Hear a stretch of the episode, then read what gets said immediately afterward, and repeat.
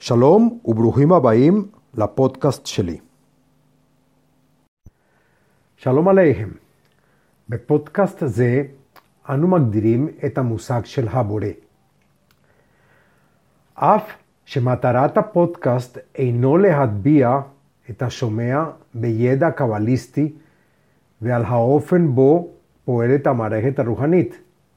עדיין יש צורך להגדיר ולהדד מונחים בסיסיים מסוימים הקשורים להרכב הנשמה על פי הקבלה, אשר יעזרו לנו מאוחר יותר בניתוח והבנת המערכת הרוחנית המוסברת בפודקאסטים הבאים.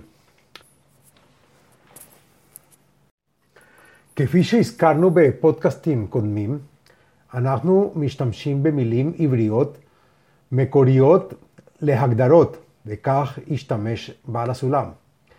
ליתרון הקורא בעברית.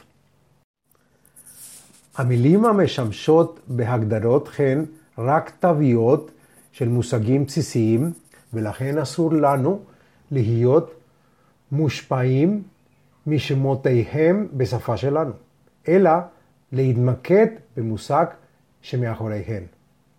כפי שאמרנו, נטיותיו הטבעיות של האדם הן לקבל, להשתוקק, ליהנות, להזדקק ולצרוך, והן מנוגדות לחלוטין לאלה של הבורא, לתת, להשפיע ולהעניק. תוכניתיו של הבורא, עצמות שלו, הבויות בתוכנו. המטרה שלנו חייבת להיות מציאת החלק האלוקי שלנו ולהרמות יותר לתכונות הבורא. וכך אנחנו נתגבר על הטבע הצרכני שלנו. כתוב כי אין אחד מלבדו, הבורא. הוא אחד והיחידי, הבלתי משתנה. פירוש הדבר הוא שאין כוח אחר בעולם המסוגל לפעול נגדו. הבורא יכול רק לתת ולא יכול לקבל שום דבר ממנו. כאשר נאמר כי אנחנו רוצים לתת נחת רוח לבורא, המציאות היא שאנחנו לא יכולים לתת שום דבר אליו. בתנ"ך כתוב, ויברא אלוקים את אדם בצלמו ובדמותו, בבראשית. סיפוק זה, או נחת רוח לבורא, זה עבורנו, אשר רשומו את הקוד האלוקי של הבורא בתוכנו. על כן, מן הראוי לשאול, היות שהבורא הוא אחד והיחיד ואין דבר שקיים מחוץ לו, מדוע כל אדם נבדל ושונה מהאחרים מבחינת רוחני?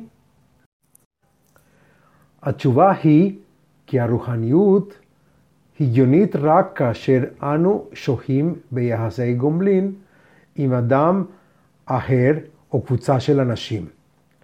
לכל אחד יש תכונות רוחניות מסוימות, הבולטות יותר מאחרות. כאשר אני מתחבר אל מישהו, ה-DNA הרוחני שלו משפיע עליי. בתורו, ה-DNA הרוחני שלי משפיע עליו. התוצאה היא חילופי המאפיינים הרוחניים השולטים של כל אחד.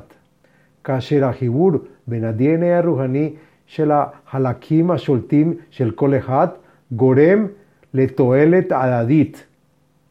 דוגמה ראשונה, אם אדם תורם כסף למשפחה נזקקת, גם המעניק וגם המקבל מרוצים ואסירי תודה על השתתפותו, אחד על ידי הקבלה, וכך סיפוק הצרכים שלו, והשני על ידי מתן עזרה.